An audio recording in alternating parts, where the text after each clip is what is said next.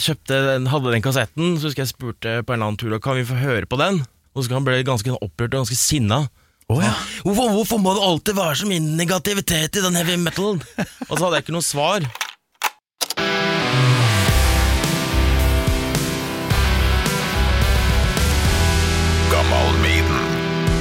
Og det her har jeg gleda meg til, for 1. oktober er det 30 år siden det utskjelte albumet No Prayer for the Dying ble lansert. Og for meg som var tolv år på det tidspunktet, så var det et veldig viktig album. Andre rynker nok på nesa, men ikke min gjest, da. Andreas Tylden han er nemlig temmelig nøyaktig like gammel som meg. Så her skal det bli feiring av 30-årsjubileum deluxe. Scream for me, Oslo Spektrum. Her er Andreas Tylden. Gammal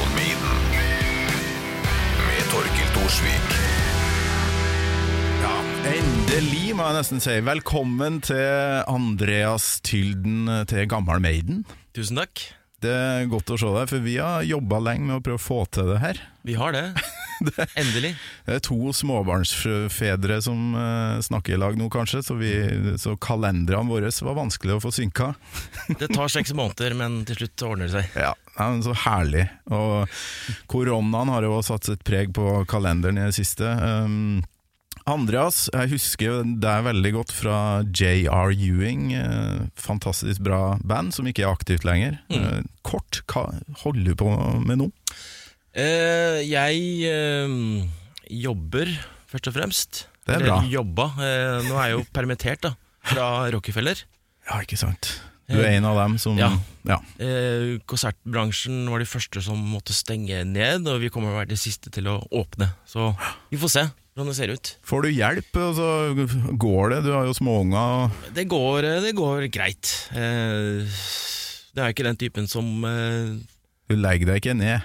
Men, Nei, nei, og, og, nei, og jeg er heller ikke den som bruker Altså, jeg er ikke ute på byen lenger. eh, Ikke sant. og nå har jeg kjøpt så, så jævlig mye Maiden-plater opp gjennom året at jeg, jeg finner ikke noen, noen flere å kjøpe, så Ja. Nei, jeg greit. tror eh, du er den, eh, den gjesten så langt da, som kanskje har brukt mest eh, penger på, har mest Maiden-stæsj. Det tror jeg kan påstå. Ja, altså det, det finnes faktisk flere store samlere i, um, i landet. Um, jeg vet at det er flere, opptil flere som har større samlinger enn meg. Men jeg har fokusert på singler. Ja, ok. Skyte om med singler. Ja, Og det er din eh, greie. det er min, jeg måtte det, for jeg tenkte jeg begynte med 'nå skal jeg ha alt'. Og så forstår jeg fort at det er jo, det er jo økonomisk selvmord. Eh, Så da gikk jeg for singler, og der er jeg nok den som har eh, den, kanskje den mest voksne samlinga. I, Mm. I hvert fall i Norge. Mm. Skandinavia, da, sier vi. Du, vi må jo skål for svingene. Jeg må hente eh, ja, vannglasset mitt. Er jo midt på dagen her. Eh, Skål for eh, No Prayer for the Dying 30 år. 30 år, skål! Fantastisk. Det er jo eh, utrolig bra, og helt perfekt å få inn en som er mm, noen få dager eldre enn meg. Du er født i juli 78. Det stemmer. Jeg er født i august 78, og vi var jo da en tolv år da det albumet her kom. Og, og jeg elska det. Vi skal feire dette albumet her i dag. Jeg får frysninger, jeg bare tenker på det. ja, det er jævlig bra. Vi skal ta låt for låt, rett og slett. Eh, Men eh, jeg har lyst likevel til å, starte der eh, Jeg starter med alle gjestene. Om, om du kan huske første gangen du hørte Iron Maiden. Det var på barneskolen. Det var noen eldre karer som eh, hadde noen eh, ryggmerker på olajakkene sine. Det var Maiden, da. Ja. Ehm, og da dro jeg hjem fordi, og titta i platesamlingen til faren min, for faren min samla jo på plater. ja, vi må jo få med at far din eh, Det er jo en plate også, det er jo en legende. Ja, absolutt. Eh, hans- Tylden. Ja, ikke sant? Ja. Eh, Audun Tylden. Og han Da titta jeg da i singlene, og så viste det seg at han faktisk hadde to Maiden-singler. Han hadde Gud må vite eh, hvorfor han egentlig kjøpte det i sin tid, men eh, det var nå i hvert fall um, Women in Uniform og Running Free. Nei, dæsken. Jeg tok fram de, og på platespilleren, og ble jo bare frelst med en neste gang. Og dem var nesten ikke rørt, de var sikkert De var uspilte, ja. mint condition. Mm. Så, jeg har det ennå, det er ikke så veldig mint nå lenger. Men Nei, men fy flate, så fett. For Ja, det var ikke rått. den type musikk han eh, Audun nei, nei holdt på han, med. han samla jo på Billboard eh, Top 100, amerikanske singler, popsingler. Så oh. jeg hørte på det og eh, ble frelst, og det må ha vært Jeg har i alle, i hvert fall senere tid prøvd å tenke når kan dette ha vært sånn nøyaktig. Men det må ha vært 87-88, rundt der. Mm. For jeg husker at eh, samme tid så fikk jeg en, en, en, en kassett av en kompis som har vært i Thailand og fått kjøpt en sånn boot best of-kassett. og på den så er det altså kun opp til som, Summer in Time. Så Ja, okay. det kan må ha vært 87, men han kan kanskje ha kjøpt den senere også. Men i hvert fall rundt der, da. Slutten av 80-tallet. Hva som skjer da når du blir hekta på det her? Eh, Hadde du penger til å gå og kjøpe det, eller Nei, er det gæren? Far din var kanskje glad i at guttungen hadde begynt å bli interessert i ting? Jeg, jeg tror han egentlig bare tok det som en sånn selvfølge, for det var jo musikk eh, i huset hele tiden, og det var ofte mye festlig lag nede i kjelleren. Med, Ja, problemet mitt var at jeg ikke hadde ikke råd da Når jeg Nei. først fikk eh, skikkelig eh, ja, kick på et band, og det var vel Maiden som var mitt første. Så hadde jeg jo faen ikke penger til å kjøpe meg noe, så det tok ganske lang tid før jeg, før jeg fikk tak i ting. Men No Prayer var vel en av de første kassettene. da Samme her, det var den For det, fra da jeg hørte de singlene til No Prayer, så kjøpte jeg, fikk jeg penger av moderen, så kjøpte jeg jo debuten. Eh, og så hadde faderen en kompis som drev og importerte VHS til eh, Norge, og en av de var uh, laget Rainbow. Såpass? Som jeg så den, og nå får jeg såpehels bare å tenke Ja, ja, på det. Fordi jeg så på den, jeg så på den, jeg så på den. Og hadde egentlig sett meg for å først spille trommer, og så bass. Men så så jeg da gitarsoloen eh, til eh, Murray Mm. på låta 'Killers'. Er En litt sånn, litt sånn tapping-aktig solo. Tenkte jeg, jeg skal spille gitar. Å, så utrolig bra. Og det gjør jeg nå, i to, to band. Du gjør det, ja. Hva heter de bandene? Eh, det ene heter eh, Great Galactic Ghoul, og det andre har ikke noe navn ennå.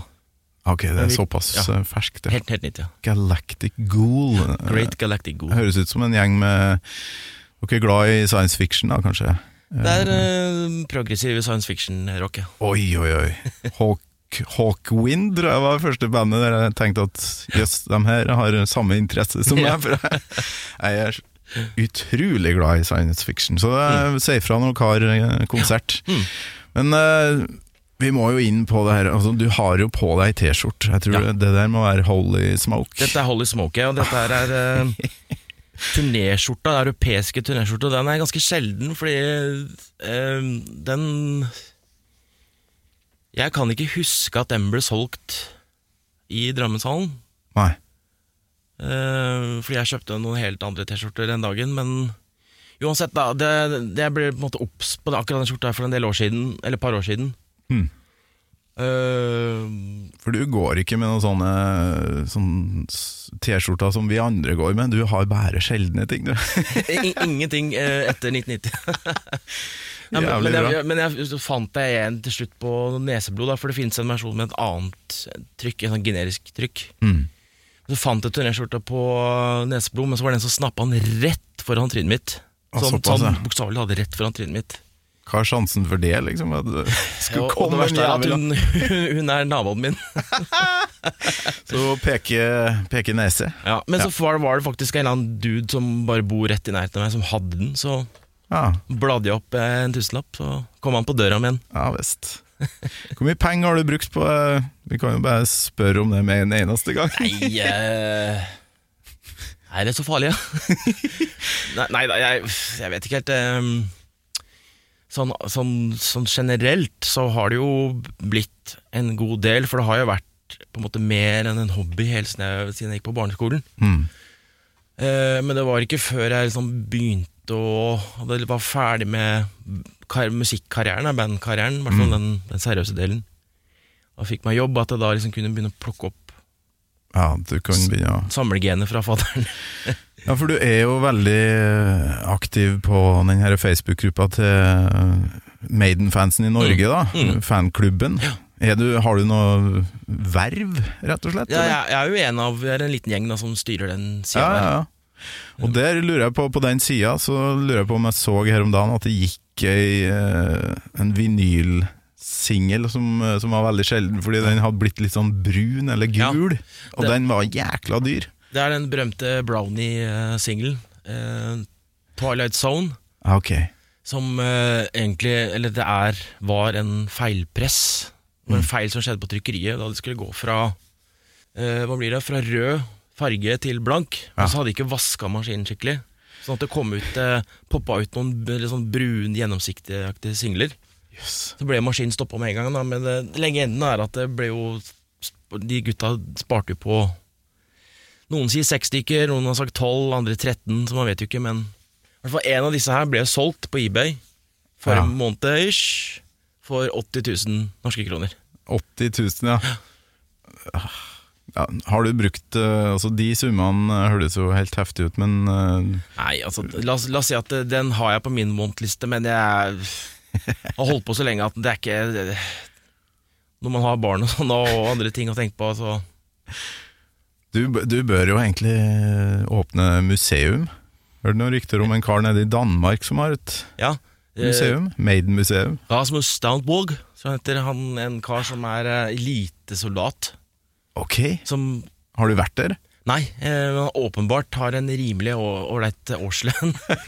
For han har jo via hele huset sitt til kun Maiden. Det er helt drøyt. Å, fy faen. Og da snakker jeg at han har jo svært hus, da, og absolutt alt er eh, Det er Maiden, Maiden, Maiden, Maiden overalt. Så han er nok den som har den største sånn, eh, memorabilia-samlinga. Det er en fyr i USA, i Canada også. Ok. Men uh, han, han, han ble nyrik for en eh, ti år siden.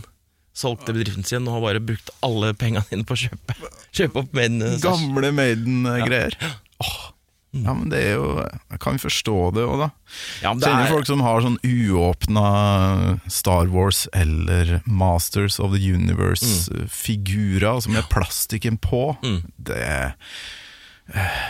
Jeg syns jo det er fett å komme hjem til mamma og pappa og se den figuren som jeg har leka med, som har alle sårene. ikke sant? Og har Mm. Blitt banka så jævlig ofte av skellek... Eller ikke, ikke skellektor, som vi sa før, men skeletor. heter. Skeletor, ja. Åh, men du, vi, vi må feire No Prayer for the Dying. Ja. Det er jo helt sjukt at det er 30 år siden. Det vil si at vi begynner å Dra på. Ja, vi dra, begynner å dra på, um, Andreas. um, skal gjøre som vi gjorde med debutalbumet som var 40 år, nå nylig, i april. Vi starter med coveret, rett og slett. Ja. Uh, som er, er vel det siste sånn ordentlige coveret med O store Derek Riggs uh, som kunstner. ja, altså Han har, gjorde jo ting uh, etter det òg, men så hadde de jo Ja. en vanvittig fallout. Og, og Derek Riggs har jo sagt at jeg skal aldri, aldri aldri mer jobbe med de, og det har han nok gjort siden. Nei. Men ja, det er jo hans siste skikkelige Du har jo så klart Ja. med deg vinylen her, så vi kan sitte og, og, og se på den. Helt mint condition, men veldig kjedelig. En, en, en helt sånn generisk europeisk versjon. Ja, ja, ja, men det, det holder i lange baner. For det der er jo um, Eddie som kommer, uh, bryter seg opp av uh, ei grav. Opp av grava, og det, det henspeiler jo det at uh, Harris ønska jo å gå back to roots med den plata her. Ja. Uh, og de har jo på en måte allerede gjort dette her før, da. Vi har jo sett dette på Live After Death-coveret. Mm. Men ja, dette her er da Eddie liksom litt med dette hvite, lange håret. En slitt singlet, that's it. Så der, ja, her skal vi tilbake til eh, rennesteinen i, eh, ja, og i det nordre London. Og, kommer vi vel tilbake til sånn musikalsk òg. Ja. men jeg syns jo det er litt trist, uh, sjøl om jeg syns det er tøft med han derre På den gubben? første versjonen så er det en gubbe der som står med ei lykt, som lager den, den gule Jeg- jeg synes, Derek Riggs, uh, den gule farga. den er fin. palett, Paletten hans er jo dritbra. Ikke sant? Ja. Sterkt gule og kontrast svarte videre. Det er vel en grav... uh, uh, en gravgraver, uh, hva det heter på Ja, norsk? sånn det? Gravedigger. som, som da får klypa til Eddie rundt halsen Ja. og ser rimelig vettskremt ut. Det funka som ei juling på meg det her når jeg fikk den første kassetten. Jeg syns Ja. det var drittøft. det. Ja, jeg kjøpte også kassetten på et eller annet kjøpesenter på Gardermoen. Ja, ikke sant?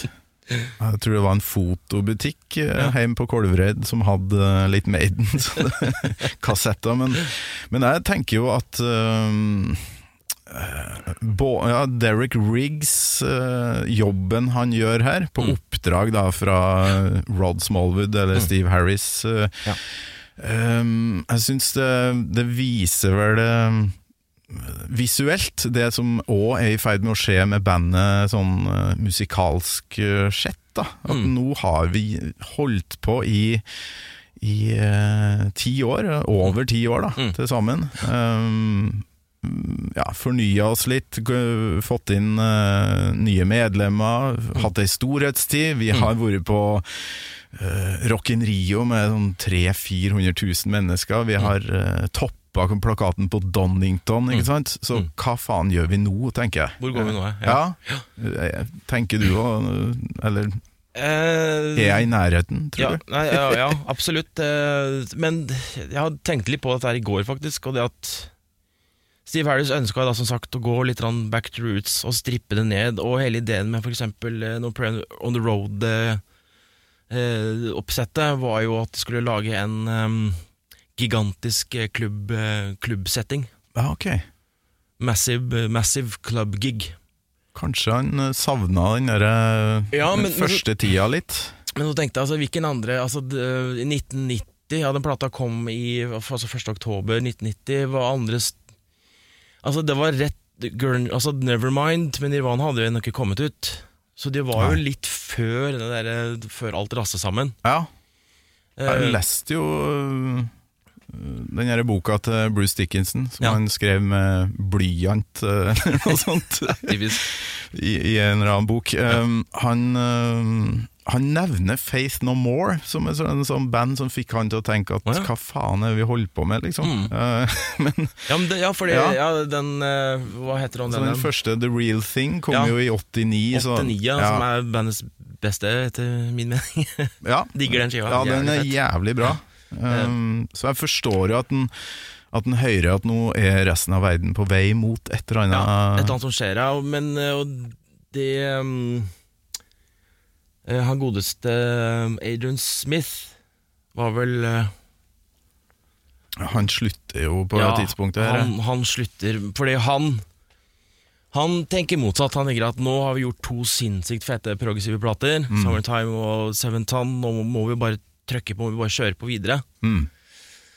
Uh, Harris er fullstendig uenig, og um, Nei, Det, altså, Adrian Smith tror jeg var med på uh, ei øving eller noe sånt, der de Han- presenterte noen nye låter, og så er han vel med han og skriver 'Hooks in You', tror jeg. Han, han er med på altså, øving, Øvingene begynner hjemme hos uh, Harris Ja. Uh, tidlig eh, 90. Og så går det vel knapt et par uker, og så sier Harris at da, nå er vi ferdig. Nå ringer vi inn denne berømte eh, The Rolling Stones Mobile eh, Hva heter det igjen? Den, ja, det studio The Rolling det- Stones Mobile Studio, ja. Ja. Mm.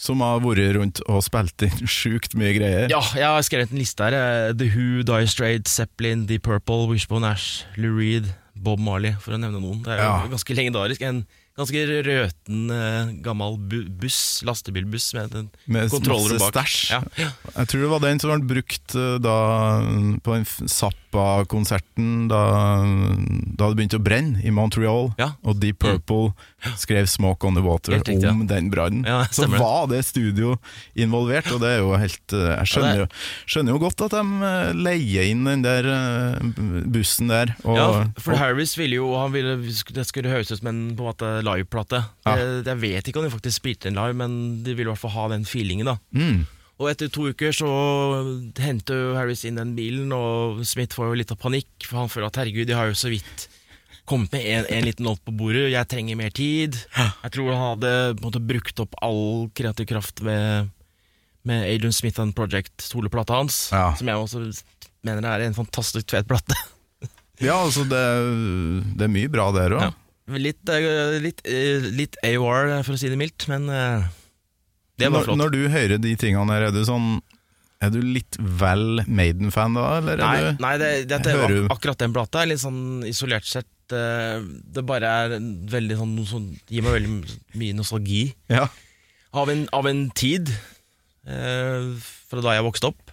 Ja, ikke Eh, sant. Av bare liksom en aura av Samme med Tattooed Millionaire, da, som også... Nei, den, den plata liker jeg ikke noe særlig. Den, Ah, okay. den, den er for, den er for uh, ba, Ikke ballete, men det, den, er liksom Litt sånn harry mot, motorsykkel på, i, i USA, mens Adrian Smith Project er litt mer sånn smooth, eh, Ja, smooth til uinnvidde, nysgjerrige lyttere så var jo det soloalbumet til Bruce Dickinson, da, som òg var veldig ivrig på å, lage solomateriale på den tida her. Mm. Det setter jo sitt preg på musikken her, da, så vi kan jo egentlig bare kjøre på. Vi Mm. begynner øverst, eh, side A på kassetten. Uh, Tail Gunner. Skrevet av Steve Harris og Bruce Dickinson i lag. eh, som har en intro som jeg tenker Det her er Maiden, det her er fett.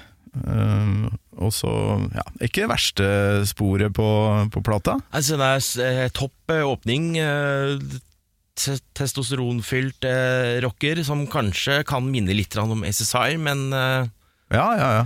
det var jo man... Samme tematikken Ja. over andre verdenskrig og andre verdenskrig og litt samme cover, illustrasjon. Mm. Og det var jo, det var jo mange som mente at de ville spille den på Legacy of the Beast.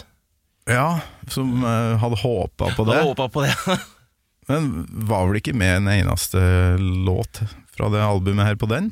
Nei, de har ikke Turneen? De har, Meg bekjent har de ikke spilt eh, noen låter fra No Prayer. Eh, bortsett fra på den avskjedsturneen Ja, som de gjorde i 93. ja, ikke sant. Da spilte de faktisk Tailgunner, tror jeg. Ja. Mm. Du uh, har jo faktisk et bitte lite klipp. Jeg har jo lov til å spille noen sekunder med musikk, i det minste, i podkast. Bare for å sette stemninga her, så skal vi høre det partiet i introen som jeg elsker mest med Tail Gunner.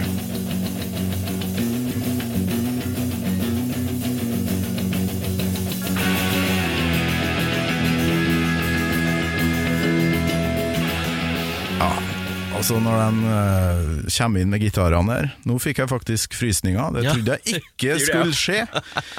Men uh, det er jo lille 13 år gamle Torkil som lå i, i senga med headset og Mm. hørte på kassetten her, uh, som våkner opp, da. For det er Det her var svært for meg, altså. Og det var helt nytt for oss. Ny Ja. plate og, og rett, rett den umiskjennelige Steve Harris, bass, clearer lyden og high Oh, yes. som ligger og pumper. Og ja. helt, helt rått. Nei, altså det, det Det er et herlig åpningsspor, men eh, allerede her så hører vi ting som uh, der jeg nå da i voksen alder tenker at uh, kanskje de skulle ha tatt seg litt bedre tid og, og finpuss på ideene sine. da. De burde ha hørt på Adrian Smith, som er en helt fantastisk fremragende eh, låtskriver. Ja, ja. De burde hatt litt eh, hatt litt tålmodighet og hørt på han. For den der, eh, det refrenget det, det gjentas litt for ofte, du blir lei av det.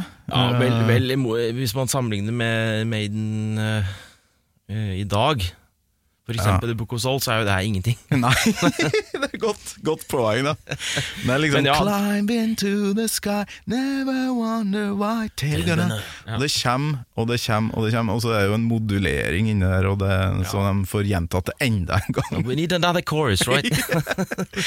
Men da er de jo da på låven bortimot, da, hjem til Steve Harris, ikke sant? Ja, Så- på Barnyard Studios, som eh, ligger på godset til Harris Essex. Ja. Jeg tror kanskje han faktisk har det ennå. Ja, skulle vi vel selge det, Ja. mener jeg. Jeg har, jeg har eh, prospektet på maskina hjemme, PDF.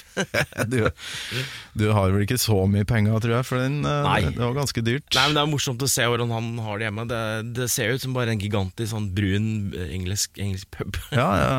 Mye Ja, treverk altså- på veggene. og- Bandet hadde jo da vært på, mye på Bahamas og andre plasser med da produsent Martin Birch, som nylig gikk bort, dessverre, eh, og spilte inn eh, ja, ganske heftige produksjoner. Det er ganske uh, slick lydbilde. Mm. Og så ville han bare back to the roots, kanskje noe Killers-aktig lydbilde, Ja. jeg vet ikke. Jo, det er akkurat Killers uh, Harris ville ha. Ja, Det var det som var referansen. Mm. Syns du han får til det, eller?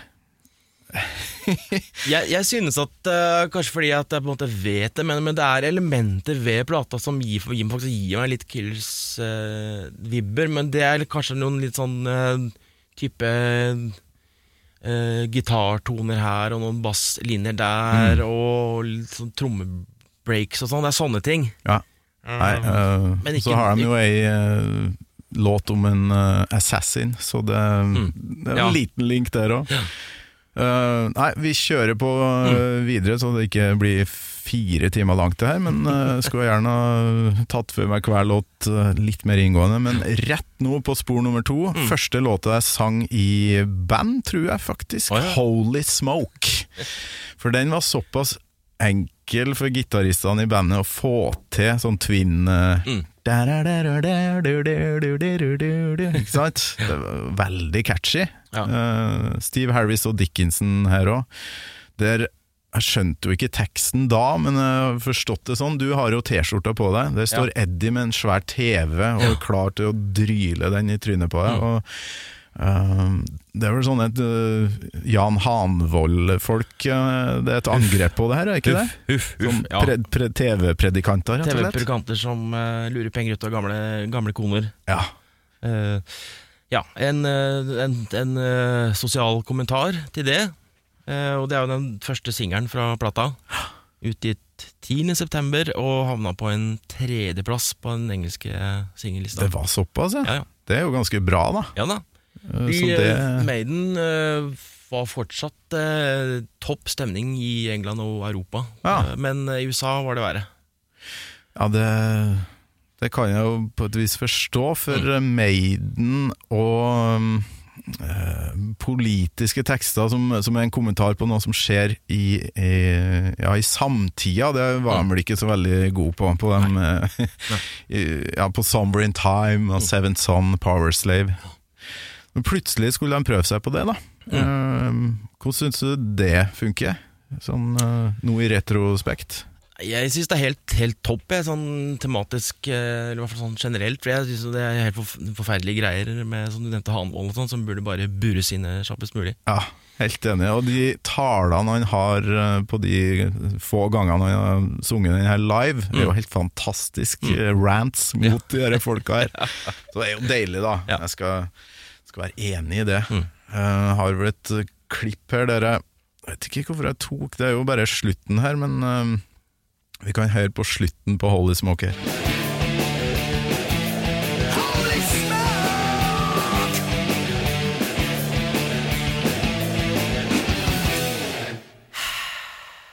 Og det utpustet der det var derfor, ja, Nå kom jeg på det. Det var derfor jeg hadde tatt det klippet. For der syns jeg han krysser ei, slags grense. Sånn, Maiden har vært ganske sånn seriøs. Det Ja. episke fortellinga.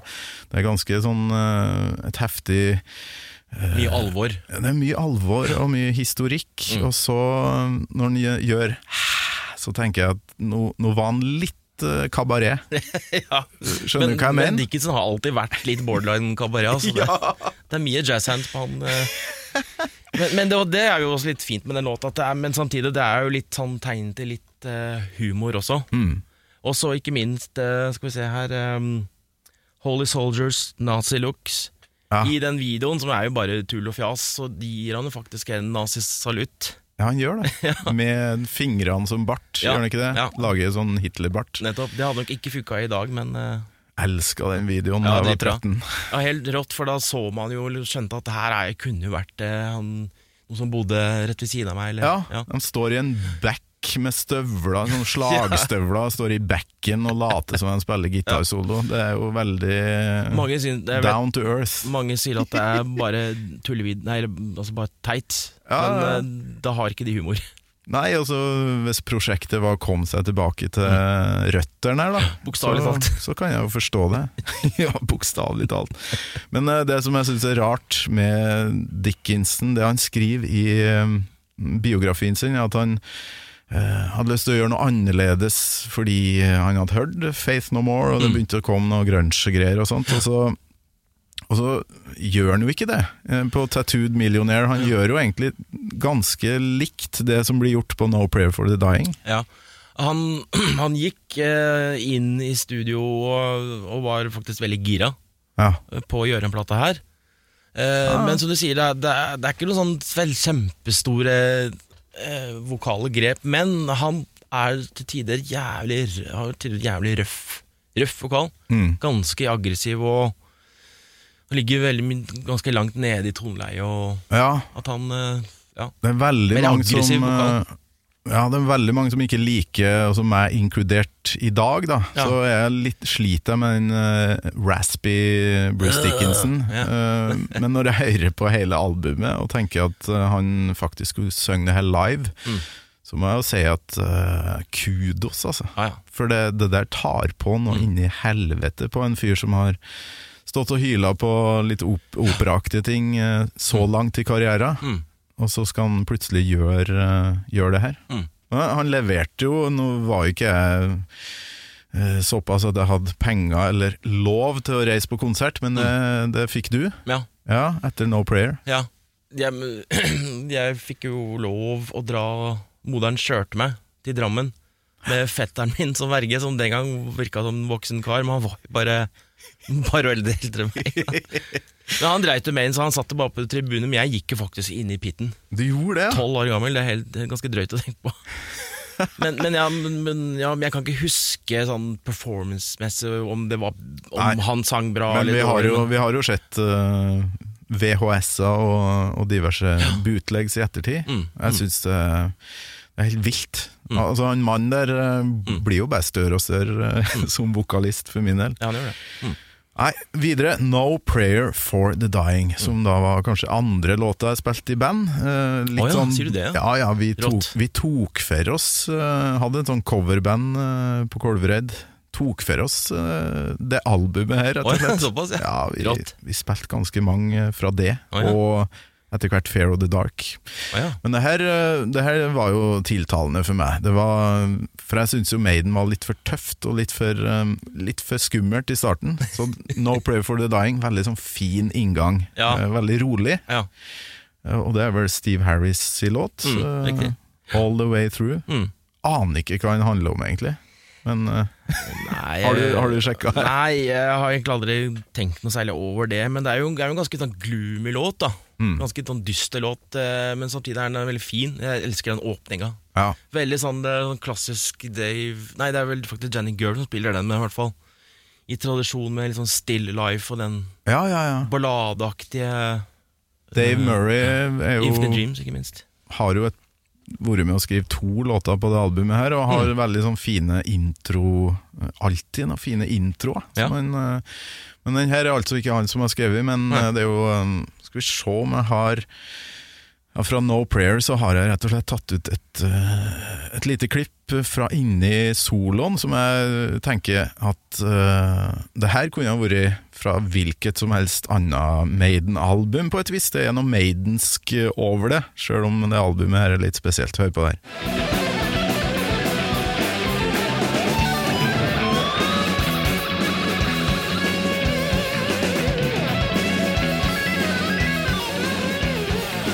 Elsker partiet her. Er Og, å skudre det rett før det ble dritbra. ja, jeg vet, men Nei, det, jeg har er, lov. ja, det er helt rått. Den, eh, er klassisk Dave Murray, sånn hammer-on-signatursolo. Ja.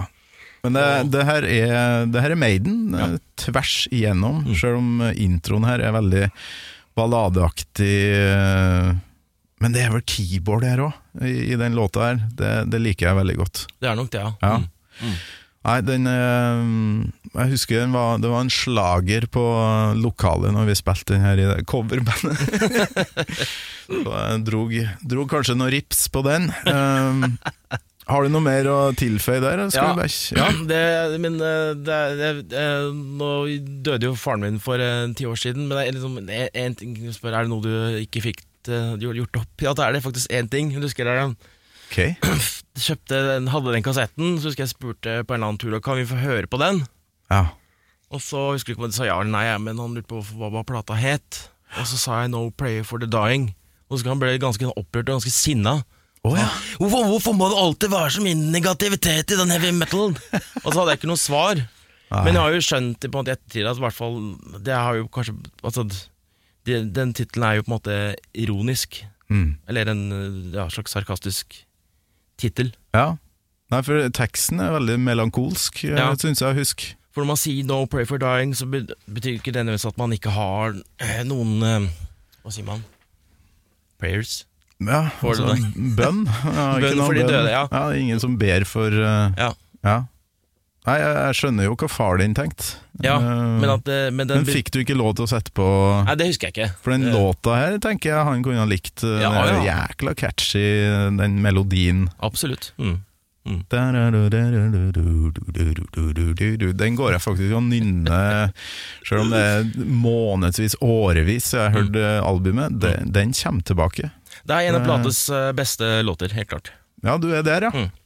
Ja, men jeg er enig. Jeg har Favoritten min er nok på side to. Jeg skal ikke si hva det er ennå, men vi kan jo kjøre på videre med første låta som Dave Murray er med på, på dette albumet. Kanskje han eh, trykka til litt ekstra Dave da, når han så at Adrian uh, røyk ut, og, og ble med på låtskrivinga litt, litt mer enn før, kanskje. Det kan nok hende, ja. Mm. Public Enema Number One.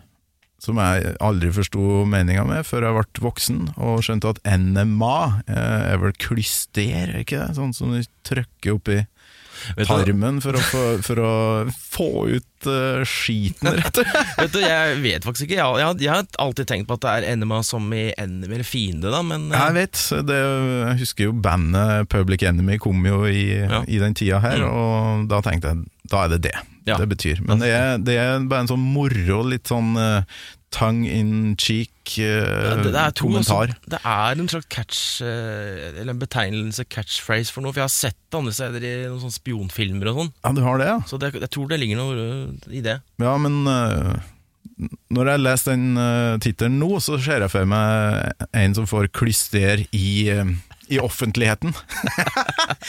en off offentlig klyster, nummer én. Men uh, uh, a million network slaves in an advertising new age. I don't need a crystal ball to see to sell. Yeah, your children have more brains than your drug-infested remains. California dreaming as the earth dies screaming. Så det er nok, eh, det er nok eh, litt mer enn ja, jeg tror det er bare lagt inn som en sånn uh, Ordspill. kabaret-gag nok en mer, gang. Mer kabaret. Skal vi høre um, nå sette stemninga her? Jeg har tatt ut litt fra introen.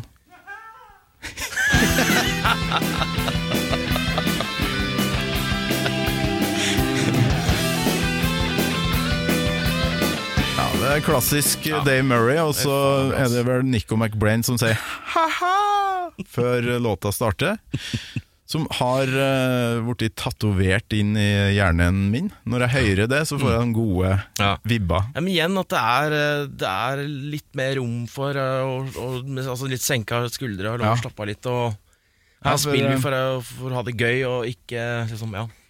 Det er moroen Nico McBrain før ei låt. Det er vel ikke skjedd siden uh, Peace of Mind, der han har den derre baklengs Ja. uh, Mm. uh, ja, greia. Mm. Så um, ja, her er de virkelig på Nå skal vi kose oss litt, og la Nico få, få komme til, for han er jo en sånn artig, artig skrue, Ja. har jeg skjønt. Ja. Mm. Listen with Nico. Hvor ofte hører du på det? Sånn B-sidespor? Jeg kjøpte, kjøpte jo den boksen Den kom vel i høst Nei, rett før No Prayer, 1990. Ja. Det var First Ten Years, First Ten Years, ja. Box, Ja. Mm. ja. Og da hørte jeg på de, men jeg, jeg kunne jo Jeg hadde kunnet engelsk da, kunne ikke da, når vi var tolv år? Da vi var 12 år. begynte å forstå litt, men han hadde Men jo sånn vanvittig dialekt, da. Eller Ja, ja, ikke sant. Og, og ord, ordforrådet var ikke akkurat det, samme vi hadde på barneskolen. Så. Det her er heller ikke det verste sporet, syns jeg, altså. Jeg, jeg syns den låta er dritbra, ja. Ja. Eh, godt, veldig altså det er mange som påpeker at nå forsvant Adrian Smith med de øh, kanskje litt komponerte Mm. melodiøse soloene. Nå er det to villdyr her som bare øh, improviserer, men det virker som Dave Murray kanskje øh, komponerer litt mer enn en før, da. Ja, det har ikke vært mye, eh, mye snakk om det, men jeg, så vidt jeg skjønner, så har jo han på en måte bare improvisert soloene sine Ja. i studio. Det er jo Eh, helt, helt vilt. Men, men det er nok kanskje litt, lagt litt mer tanke i det, men, men også det litt problemet er at Janet Gers har litt samme stil. Ja. Sånn Ja, villmann-stil. han er jo enda verre da, Mm. på villmannkjøret. Ja. Men, men, Eh. men sånn i retrosøkt på den plata her, så holder han seg ganske i skinnet, da. Mm. Det gjør han også live, hvis man ser på gamle klipp. Så, Nei, videre til enda en låt som eh, Dave Murray har eh, vært med å, skrive, og det hører vi i hvert fall på den eh, introen her.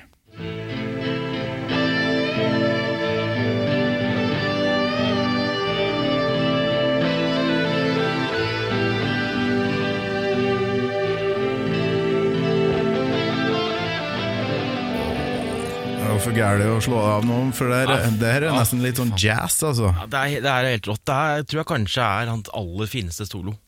Ja, men Nei, ja, nest, nest fineste, hans aller fineste er uh, Power Slave-soloen.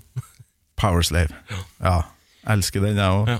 Men uh, fy flate for en intro. Her er det eh, Det er vel noen strykere, noen keyboardstrykere som ligger og, og visler litt i bakgrunnen her, som må lage den stemninga som jeg husker fra Seventh Son, da, Mm. som bare gir en sånn eh, egen atmosfære. da interessant at du sier det, for det er eh, Det er eh, litt sånn fellestrekk til en plate. Du hører at det er bare to mellom, mellom de to. mm. Og det er ting å spore.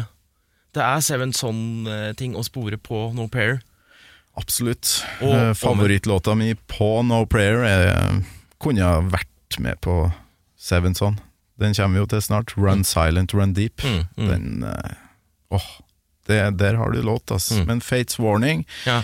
uh, det er Murray og Steve Harris. Eh, og hvis man uh, går tilbake og, og tar samtlige Murray, Dave Murray-skrevne låter Mm. Og setter på de første 20 sekundene, så, så er det sånne introer som det her. Han er veldig glad i det, tydeligvis. Men uh, det skjønner jeg godt, for du setter ei eh, slags stemning, da. Jeg har en liten følelse at det er det han har skrevet i den låta her. Ja. Han, det, han gjorde også det på Apropos Book of Souls. Der, jeg husker ikke hvilken låt, men der er det på en måte en tilsvarende intro. Ja. Som, som han bare hadde spilt inn hjemme. Det er jo den de endte opp med å bruke Ah, okay. på Book of Souls.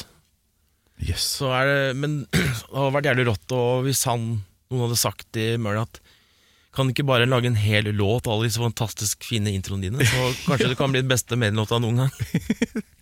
Ja, men det tror jeg faktisk uh, stemmer godt. Jeg, altså, han har en eh, Han har jo en framtoning som er veldig sånn uh, folkelig. Sånn Mm. skikkelig blidstemt kar. Og det er ikke noe rockestjernevibba i det hele tatt. Men fy flate, for en uh, teknikk og en helt egen sånn eh, fil da, på det han uh, spiller.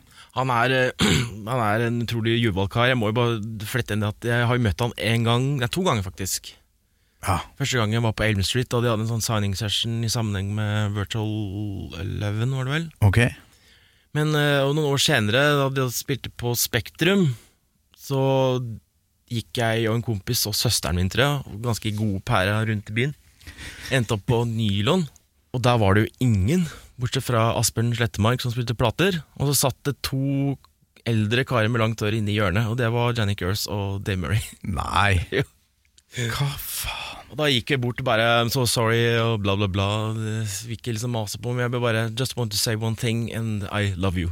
Og så ga jeg han en klem. Eller jeg fikk en klem av han, sånn var det.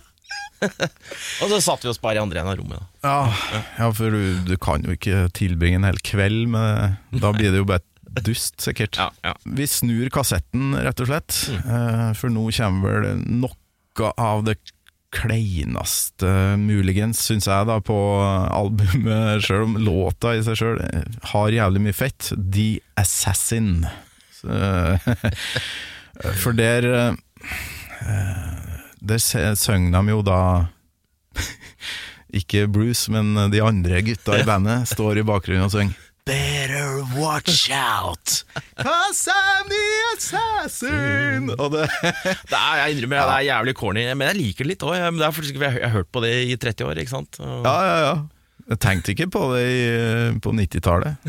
Det er jo en voksen Torkil som nå eh, vrir seg bitte litt i stolen da, når, jeg, når jeg hører akkurat det der.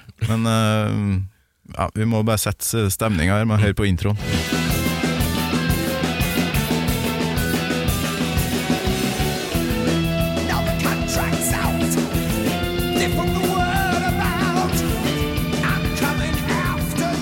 Altså, Så igjen så er det Maiden uh, all the way. Altså, dil- dil- dil- jeg syns det er drittøft. Det er helt rått. Jeg digger det her. Jeg synes det er helt eh, dritbra. Det her er jo igjen ganske mørkt, og det er veldig progressivt. Og Mm. så er det jo også eh, ganske likt Clairvoyant. Det er liksom samme beat. Ja, ja, ja. Og bass, eh, måten han spiller på, er altså ganske likt. Det er liksom samme type riff. Så det er en liksom slags forlengelse av The Clairvoyant, bare ikke like jolly, og kanskje litt, litt mer progressiv, også med et vanvittig corny refreng. Da. Ja, ja. Nei, men uh, som sagt, uh, gitt, gitt låta i vekkas tid, og så bare legg den på hylla, og så ta den fram igjen, og så kanskje fjern det her.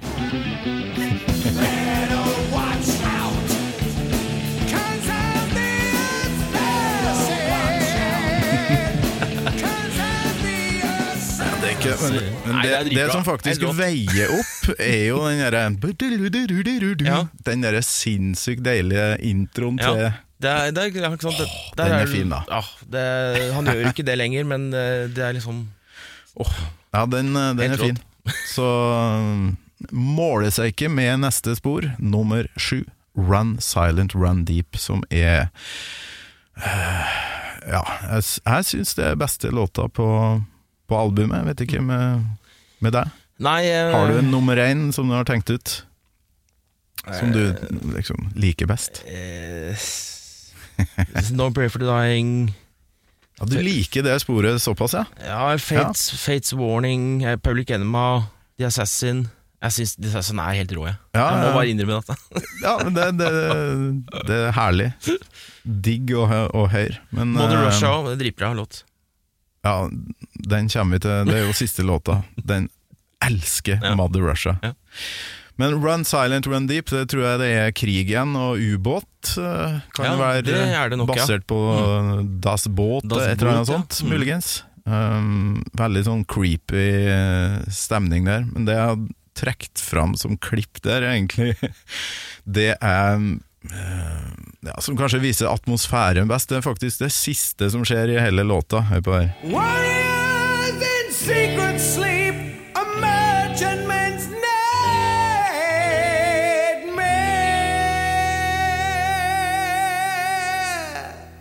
Åh. Føles som Bruce der. Ja, Bruce har kasta den raspevokalen på bålet Ja. og, og gått tilbake til eh, historieforteller-Bruce. da Ja. Når låta får den atmosfæren, så er jeg back in business. Så den her Ja. tenker jeg kunne ha vært på Seventh Son, den kunne ha vært på Summer in Time. Mm.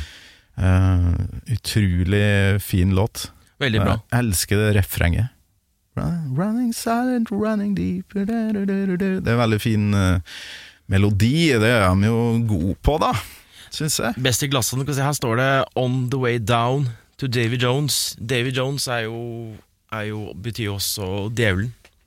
Ja, for det En havdjevel. Havsatan, rett og slett. Mm. Det- Jeg husker jo fra også Pirates of the Caribbean, Davy Jones der. David Jones er jo også David Bowie sitt uh, fødenavn. Ja, stemmer det. Det er også Davy Jones som sang i The Monkeys. Ja. Så der er mye referanser, rett og slett. Men jeg tror det, det er vel det ubåttemaet her. Mm. Men så kommer det jo et uh, spor her, da. Hooks, Hooks in you, som òg er uh, ja, kanskje litt sånn uh, kabaret Litt sånn Prøver å være litt sånn frekk. Herlig frekk. Det her er nok platas svakeste spor, og så er det jo litt synd at det er signert Smith, da. For vi vet at han kan veldig mye mer enn, eller bedre enn det her. Mm. Og det er jo derfor han sikkert fikk panikk, for at eh, I need more time. Ikke sant? Ja, ja, ja. Ja, det er Dickinson og Adrian Smith, ja. Mm. Skal tru ikke han egentlig var med og, Man, jeg har hørt på den låta laga der. hørte på låta gå, 'Gåtur i går', og man, eh, man kan høre det Smith har eh, på en måte gjort i ettertid. At han prøver å lage en sånn Han lager en slags sånn blueprint made-låt som han tror publikum vil ha. Mm. Litt sånn man har gjort eh, Nå skal jeg være forsiktig her, men Different World og Åpningslåtene på, på platene på 00-tallet, Mm. dukker meg nå, har en litt sånn lik struktur, og det er litt sånn generisk eh, eh, Det kunne, ja. kunne egentlig vært et, eh, noen som, et annet band som ønsker å være med. Og det, Ja, det er nei, også men, litt eh, sånn Two Minutes of Midnight rip-off start på den. Og Ja, men det er nettopp det. Det er sikkert riffet som er hans uh, greie her, da. mm. Jeg har ikke tatt ut noe klipp her, men jeg har Kanskje like greit. Nei, jeg tror det er fordi jeg ikke har lyst til å, å spille noe av den. eh, den derre raspevokalen igjen, som jeg i voksen alder har begynt å slite med. Og så den derre litt sånn Å, å, vi, er, vi er så frekke! Ja. Og den låta er jo visstnok òg en del av den herre eh, såkalte Charlotte-sagaen. Ja, riktig. Som, Mm. for, som eh, var en prostituert, eller i hvert fall en rimelig frekk dame, som de har skrevet flere låter om. Charlotte og Harlot. Mm. 22 Acacia Avenue. Acacia Avenue, og så kommer jo den her, da. Hooks, Hooks in You. Mm. Ganske Ja. Jeg tror det handler om uh, SM, rett og slett. Sadomasochisme, eller hva, hva det heter. Hvilket eh, bringer oss videre til et spesielt spor, som uh, heter Bring Your Daughter to the Slaughter. Mm. En av største hitene, kanskje. Det er faktisk den eneste number one-låta Maiden har hatt. Ja, Uh, Den havna på førsteplass i England. i England, ja. Og jeg er litt sånn uh, usikker på når den faktisk kom ut. Uh, noen sier uh, ut i januar, men noen mener også på nyttårsaften. Ja, ok. Ja, Maiden-versjon, eller Dickinson-versjon? Maiden-versjonen, for det, den For den ble vel Det var et eh, slags bestillingsverk Mm. til en uh, Nightmare on Elm Street-film, Mm. nummer fem. fem, ja. Med Freddy Krüger. Det var jo dritskummelt, ja. husker jeg. Mm. Eh, skjønner jo eh, teksten eh, da, da. Når, når man vet at den er skrevet til en grøsser. Mm. Ja. Men så var det vel sånn at eh, Steve Harris fikk høre det her og tenkte at det her Han, ble, han ble blodkåt, holdt jeg på å si. Han, han sa ordrett at 'I want that song'. Og Ja. det fikk han jo. Og det, Bruce hadde jo ikke noe mot det. Det er jo fint, det. De er ganske like, de to versjonene. Jeg har laga en uh, mashup her med Mm. Ja. refrenget på Maiden-versjonen først, og så Mm. kommer uh, Bruce Dickinson soloprosjektversjonen etterpå, Mm. med, med Yannick Gears som gitarist der òg, så det er ikke Mm. så rart at det blir likt. Hør på her.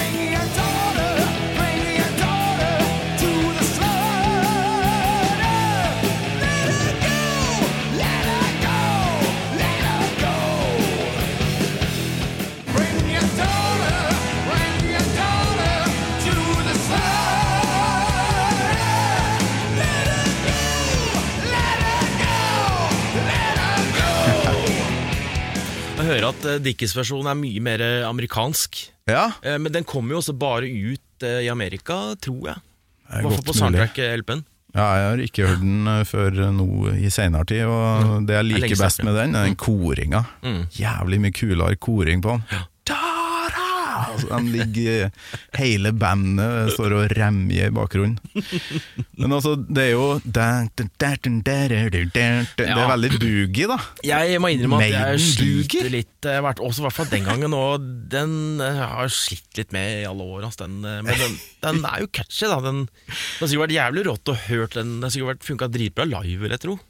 Ja, de spilte den sikkert en del eh, på den tida der. Mm. Ja, men tenk på nå, nå i nyere Ja, tid. nå, nå i dag, ja, kanskje. Men den bryter jo veldig, da, med uh, La oss si at de spiller Rhyme of the Ancient Mariner, og så skal de spille eh, Kommer den boogie-rockeren? skal de spille Clairvoyant, uh, men så slenger de på Bring Your Daughter imellom dem to. Det er litt sånn Ja, det funker ikke. Nei. Nei. Men eh, jeg visste jo ikke at den her fantes i to versjoner. Mm. Som 12-13-åring så kjøpte jeg jo det her glatte. Mm. Null problem. Ja, ja. Jeg lurer på om det var tredje låta vi, vi spilte i det Herlig repertoar. herlige coverbandet, som da etter hvert gikk over til å spille eh, Rage Against the Machine i 1993. Så Ja, vi, ja. var, vi, vi, eh, vi blafra jo bare etter vind, ikke sant? Mm. Men eh, gå fra å være Maiden-band til å spille Rage ganske Jeg tror det var ganske mange som gjorde det. Ja, det var jo det. Men eh, da har vi ett spor igjen, og vi har jo holdt på en times tid, så vi må jo komme oss gjennom her. Men uh, det her er et spor som igjen uh, kunne ha vært på hvilket som helst annet album, syns jeg. Ja. Mother Russia. Mm. Da har jeg vel Ja, vi må jo sette stemninga her. Um, For det er et parti inni her som, er, som minner meg om noe annet. Vi kan høre på det.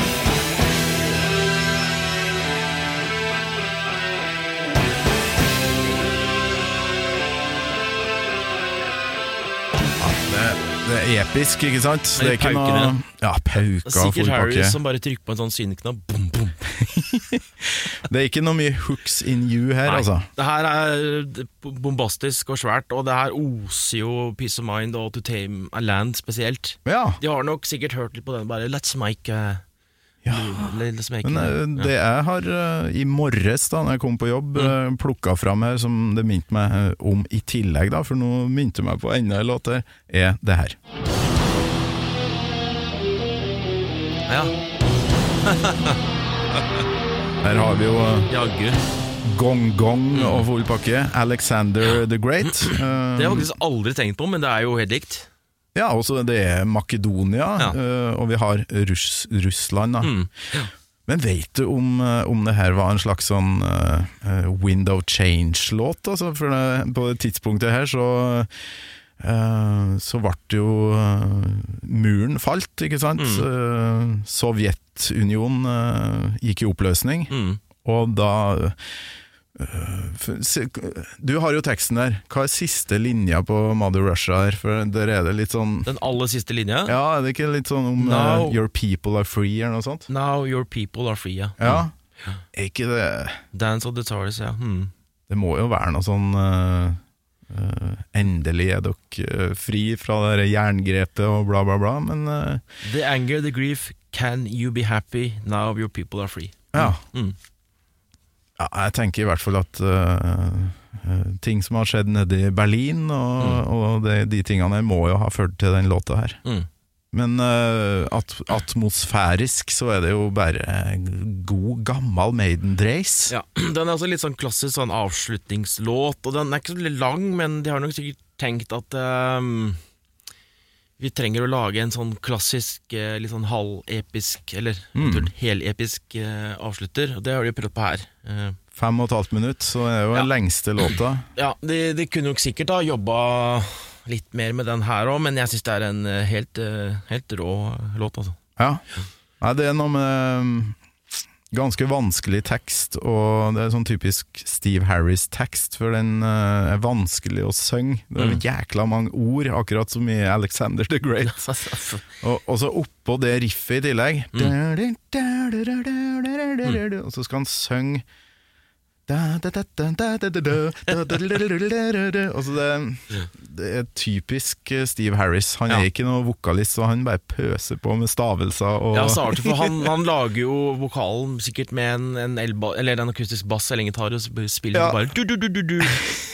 Og så skal han prøve å gjøre dette her, da. Men jeg ser jo det nå når jeg ser på lyric sheet, at det er jo veldig veldig korte tekster her, faktisk. ja. Det er noe annet enn i nyere tid, hvor det er liksom rene noveller. Oh yes. Du, jeg må få med til slutt her. Nå har vi kommet oss gjennom uh, albumet. Uh, som uh, Skal vi bare oppsummere før jeg har et lite klipp til her? Eh, når jeg hører på det i dag, så får jeg fremdeles tårer i øyekroken, for jeg er blitt 13 år. Sitter i baksetet på eh, kjerra til mamma og pappa på Sverigeferie og hører på det her. Mm. Butti, butti, butti, butti. Jeg hadde jo nesten ikke noe annet. Nei. Så det er gode minner, da. Det er gode minner, og det er nok sikkert veldig mye nostalgi, eh, i hvert fall for min del, gjør at jeg syns dette her er en plate jeg setter veldig, veldig høyt. Men den er undervurdert, for den kom Det er en van vanskelig å følge opp eh, denne gullrekka de hadde på 80-tallet. Ja, herre jemini. Men eh, ja, Norge tok imot eh, plata med storm. Den kom jo på tredjeplass på VG-lista. Oi, såpass, ja. Det hadde ikke skjedd i dag. Nei, men det Nei. Men for meg så var Maiden eh, det råeste, skumleste, tøffeste som fantes. Eh, Tenkte du det samme du òg? Du så jo de ryggmerkene først, da. Det var Ja, Eddie, liksom. Altså, det, jeg øh, tenker det samme, fordi jeg begynte å grave videre i platesamlingen til fadderen, og da fant jeg jo ACDC, Priest, Motorhead, Ja. Girl School. Ja, What Have You. Alle de banda der. Ja, ja. Eh, Def ikke, Hvordan, ikke minst. Har du hørt mye på det? Og, Ja, det er noe jeg har plukka opp senere, men jeg synes ingen av de banda der tiltalte meg noe særlig. Det ble ja, det, mye, var mye bygget, det var mye Mm, Det mangla den edgen som Maiden hadde da. ja. At det var litt skummelt å Jeg husker sånn, Første gang jeg hørte Aces High på den der Thai Boot-kassetten, jeg ble jo vettskremt. Ikke sant? Bare fy faen, så brutalt. ja, ikke sant? Men det, det jeg elsker mest, det er jo historiefortellinga, altså alt rundt det, altså tematikken deres. øh, Men når de da på det her albumet prøver seg på tematikk som andre band gjør bedre, f.eks. eksempel Hooks in You. Mm. Ja. Uh, La nå Motley Crew holde på med det der, det svineriet der, så kan Bruce Dickinson heller være en eh, Kabaret på Ja. Ja, der, han, han kan heller få lov til å, å fortelle meg om Alexander den store og, og gamle slag. Mm, Hvis du skjønner hva jeg mener. mm. Ja. Jeg prøvde å få tak i deg allerede i mars, tror jeg, for å få deg som gjest i sesong én. Og da spurte jeg deg hvilken låt du kunne tenkt deg å ta med da, hvis vi nå skulle få til en episode, og det var altså den låta her. Skal vi se om jeg får den ja. inn der. Skal vi se.